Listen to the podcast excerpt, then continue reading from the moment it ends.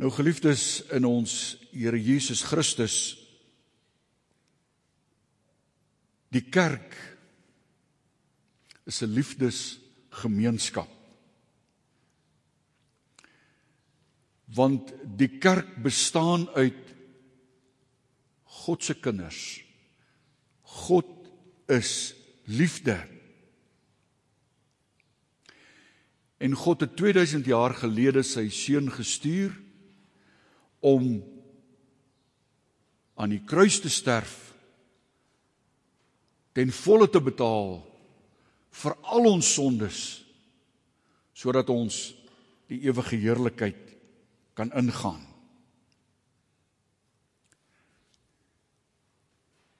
Nou wat beteken dit vir ons? En nou gaan dit in Sondag 33 oor dankbaarheid. Dankbaarheid wat beteken ons moet ons bekeer, die ou mens afsterf, die nuwe mens moet opstaan. Dink aan die nuwe lewe in Christus. En uit dankbaarheid moet ons goeie werke doen. En in ons skrifgedeelte sien ons na Aman, die heiden wat glo. Wel, hy word deur 'n klein dogtertjie wie se naam ons nie eers ken nie, gestuur na die profeet in Israel. Maar ons sien na Aman wat tot volle bekering kom en ons sien wat is goeie werke? En ons lees hier van Elisa. Elisa was 'n profeet wat wat baie wonderwerke gedoen het. Ons lees dit in die Ou Testament. Hy het wonderwerke gedoen teenoor ryk, arme mense, mense van aansien, mense wat nie van aansien was nie. En in ons skrifgedeelte sien ons 3 van hierdie wonderwerke. Die eerste een Elisa genees vir Naaman. 'n Baie belangrike generaal. Tweedens die oordeel oor sy eie slaaf omdat hy nie eerlik was nie. En in die derde deel help hy 'n arm teologiese student om 'n geleende byl weer terug te kry. Maar ons moet ons nie vaskyk net teen teen die doel van hierdie wonderwerke nie. Maar wat is die doel daarvan? Nie net hierdie wonderwerke wat dit gebeur nie. Want Elia, Elisa het nie net 'n nuwe gesonde lewe gegee aan Naaman nie. Naaman het 'n doel gekry in die lewe. 'n bediening, 'n nuwe lewe tot eer van God. Naaman het het teruggegaan na Sirië toe. Maar omdat hy van sy melaatsheid genees is, kon almal dit sien en was hy 'n nuwe mens nog nie Christus geken soos ons nie. Maar 'n nuwe mens. Die mense het met nuwe oë gekyk. Want hoe word jy van melaatsheid in daardie tyd genees? Hy het 'n nuwe doel in die lewe gekry om te leef tot eer van God. Ons lees in Lukas 4 vers 27 dat Jesus na Amon se gesondmaking deur Elia Elisa beskryf het. En ons lees daar die die Jode het so woedend geword dat hulle hom van die kraans wou afgooi. En die rede was omdat Naaman 'n heiden was en boonop nog die die hoof van die vyand se leer, die leer van Sirië en boonop was hy melaats en het hy nog krygsgevangenes saamgeneem, 'n klein dogtertjie, ons ken nie haar naam nie. Kom sou God dan omsien na 'n vyand van Israel. 'n Heiden, iemand wat wat volgens hulle buite die verbond staan van Israel. En soos Naaman het hulle eers kwaad geword. Maar anders as Naaman het hulle hulle nie bekeer nie. Hulle het nie nederig geword nie. Hulle het nie op God vertrou nie. Die verhaal van Naaman wys vir ons God se barmhartigheid oor verlore sondaars.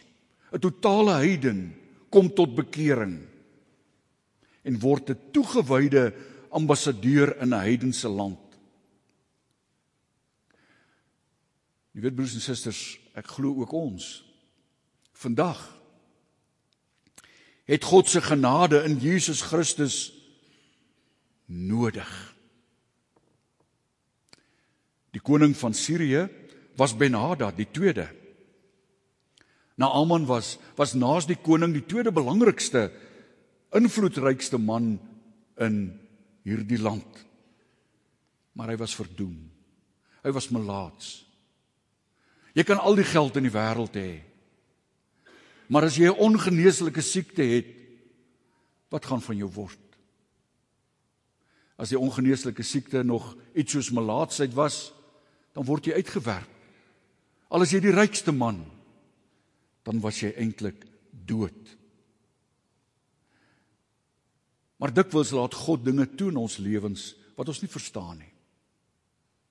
Hy laat dinge gebeur op 'n tyd en jy begryp dit nie. Maar wat moet jy doen? 'n Klein Joodse dogtertjie sê vir haar eienares: "Stuur hom na die profeet toe daar in Israel." Wat moet ons doen? Ons het die voorreg. Ons het die woord. Ons ken God. Ons ken die werke van Jesus Christus wat hy vir ons gedoen het. Gaan ons werklik na die Here toe met elke probleem in ons lewe? Is daar werklik by ons berou en bekering? Of is ons ook te ryk, te groot, te slim. Soek altyd die Here op.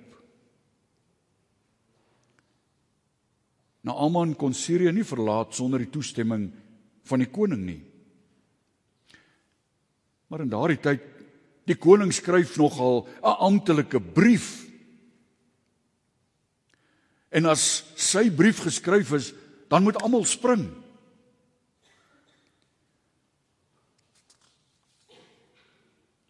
Naaman en koning Ben-Hadad het gedink dat Israel se profeet sou sommer net spring en op een of ander magiese wyse hom gesond maak met groot vertoon en dan sou hulle hom nog groot duur geskenke gegee het goud, silwer en stelle klere.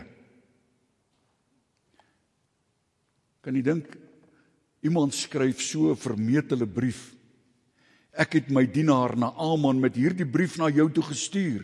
Wanneer hy by jou uitkom, moet jy hom van sy melaatsheid gesond maak.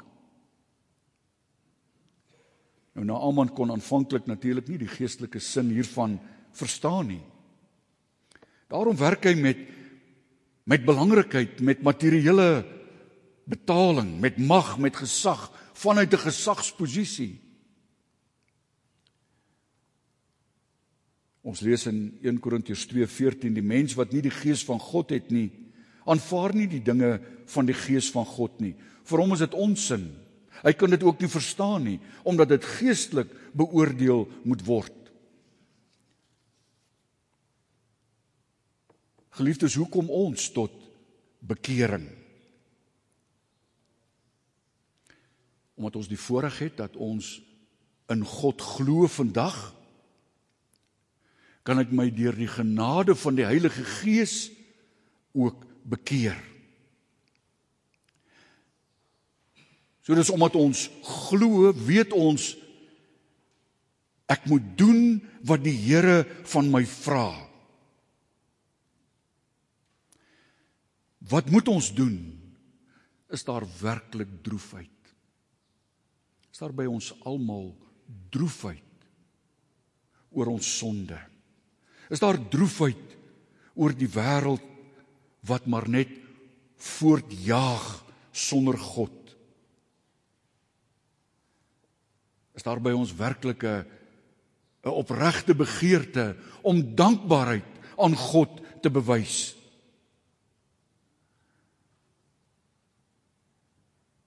Koning Joram Benhadad tree in sy eie belang op. Hy ken God nie in die saak nie. Koning Joram nie. Toe hy hierdie brief van Naaman ontvang, sien hy dit nie geestelik nie. Hy dink hier is 'n komplot. Daarom skeer hy sy kleure, klere en hy hy raak bang.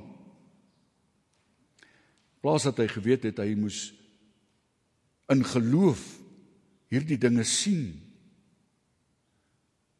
Joram se intensies was persoonlik, polities, nie geestelik nie. Maar Elisa die profeet was in Samaria.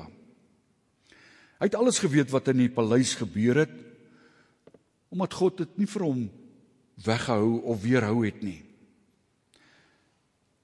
Daarom het Elisa die koning laat weet om na na Aman na hom toe te stuur.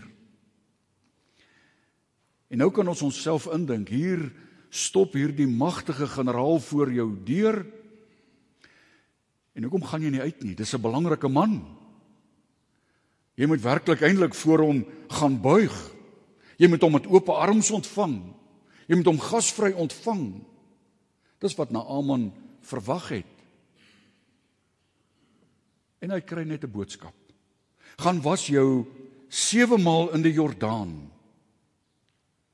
Dan sal jy gesond word en rein wees. Ek weet nie hoe die Jordaan daardie tyd gelyk het nie, maar die Jordaan wat ons gesien het op sekere plekke is maar 'n redelike klein riviertjie. Uh, ek dink ons het mooier riviere in Suid-Afrika as die Jordaan. So na Aman Hy vererg hom, vervies hom verskriklik. Wie is hierdie profeet om so met my te praat? Ek die magtige generaal. 'n Ou vuil klein riviertjie. Bytendien het hy al oor die 160 km ver gery ongeveer van Damaskus af met 'n perdewa. Nou moet hy nog 50 km verder ry na 'n nietige ou riviertjie toe en hy draai hom om. Ek gaan terug. Ons sien dis die ou mens, die sondige mens, die Naaman, die eie ek. Hy steeds op die voorgrond. Hy steeds die belangrikste. Naaman weerstaan God, die Almagtige. Wat vra God, broers en susters, kinders? God vra van ons nederigheid voor hom.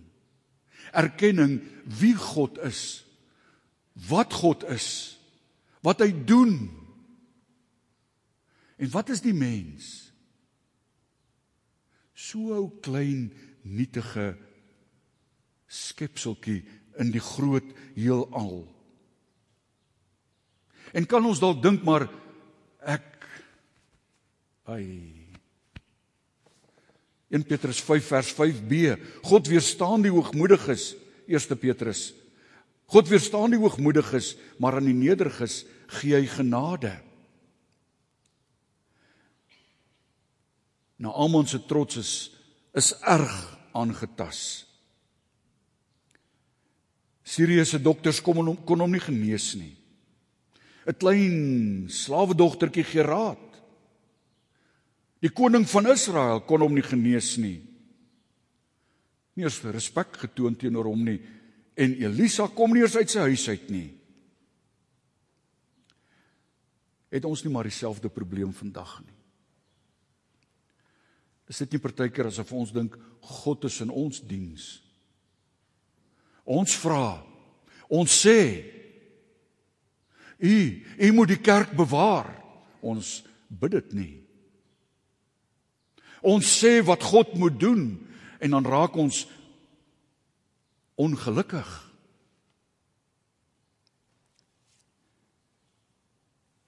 Wat doen ons?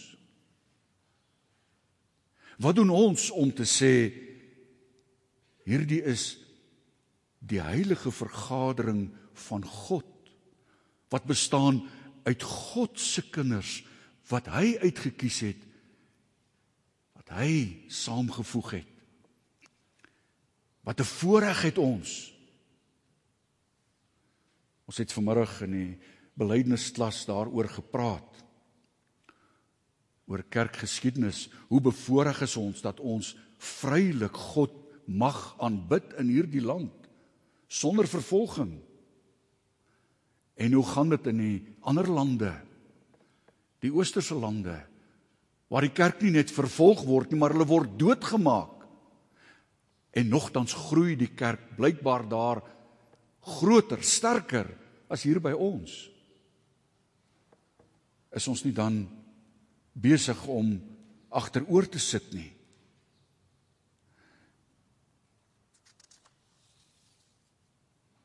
In plaas daarvan dat ons werklik tot bekering kom.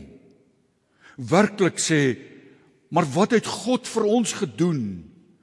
En ek wil my lewenswyse heeltemal versaak om alles wat ek is en het en doen te doen tot eer van die Here.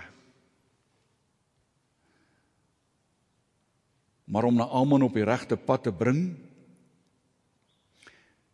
gebruik God weer eens 'n nederige dienskneg of slaaf om hom daarop te wys dat hy verkeerd is. Ja, ons verwag ook dikwels alles moet moet met 'n groot gebeurtenis of 'n aksie gepaard gaan. Sy amptenare wys hom daarop dat as Elisa iets moeiliks van hom gevra het, verwag het, dan sou hy dit gedoen het. Maar net gaan was jou 7 maal in 'n klein ou riviertjie. Ag nee man. Dit is daarom nie belangrik nie. En die rede waarom Naaman so iets eenvoudigs moes doen, was nog 'n verdere rede om sy eie selftrots weg te neem. Want as hy iets groots moes doen, as hy met bravade moes gaan dalk getuig of in die tempel of erns kom, dan kon hy gesê het kyk wat het ek gedoen.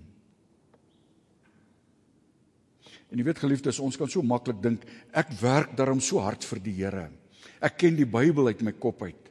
Ek spandeer soveel tyd vir die Here. Ek is so nederig of ek is so belangrik vir die kerk. Ek is daarom 'n dominee, 'n ouderling, die jaken.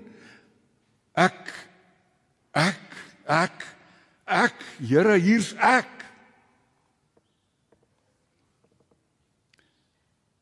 Kan jy jouself indink as Naaman by sy koning moes kom en hy moes sê ek het my 7 maal in 'n vuil riviertjie gewas. Wat het jy gedoen? Niks indrukwekkends nie, niks om op trots te wees nie, niks wat met vertoon en bravade gepaard sou gaan nie. Maar Naaman het tog geluister. Hy het hom 7 maal gaan was en hy's genees. Ons lees in die Nuwe Testament Matteus 18 vers 3. Dit verseker ek julle. As julle nie verander en soos kindertjies word nie, sal julle beslis nie in die koninkryk van die hemele kom nie. Naaman het eers sy humeur verloor. Toe het hy sy trots verloor. Toe het hy sy melaatsheid verloor.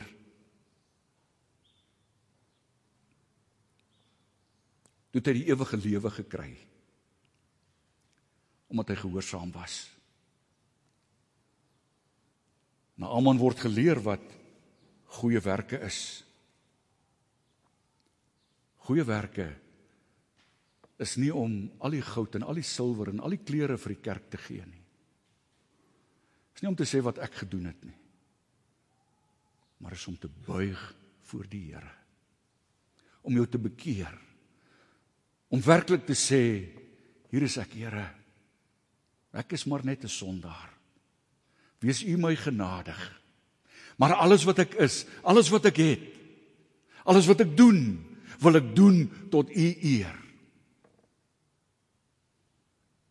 Dan is jy op die regte pad.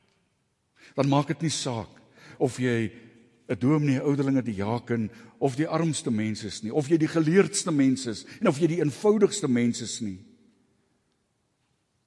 Maar dan is jy in afhanklikheid voor die Here besig en gryp jy vas aan God se genade in en deur Jesus Christus. Want dan weet ek ek kon niks self doen nie. Maar God het sy seun gestuur. Jesus Christus. Deur hom is ek gered. Deur hom word ek 'n nuwe mens, kan ek 'n nuwe lewe lei. En daarom moet my lewe 'n volle toewyding wees aan die Here. Weet ek sê dikwels gebruik ek die beeld die verbond van God. Maar dit beteken nie God hou jou vas. Jy kan maar los. Wees rustig. God het jou vas. Jy moet ywerig vashou. Jy moet so vashou asof dit jouself is wat vashou. Dan is jy met ywer besig om God te doen. Mag die Here ons almal vashou, ons lei. Mag hy sy kerk bewaar. Mag ons almal met vreugde uitsien om die koning te ontmoet. Ons koning in die hemel. Genees van van al hierdie aardse swaar kry. Ons is klaar meer as oorwinnaars. Maar om die hemelse heerlikheid te ervaar, wat 'n vreugde sal dit nie wees nie. Amen.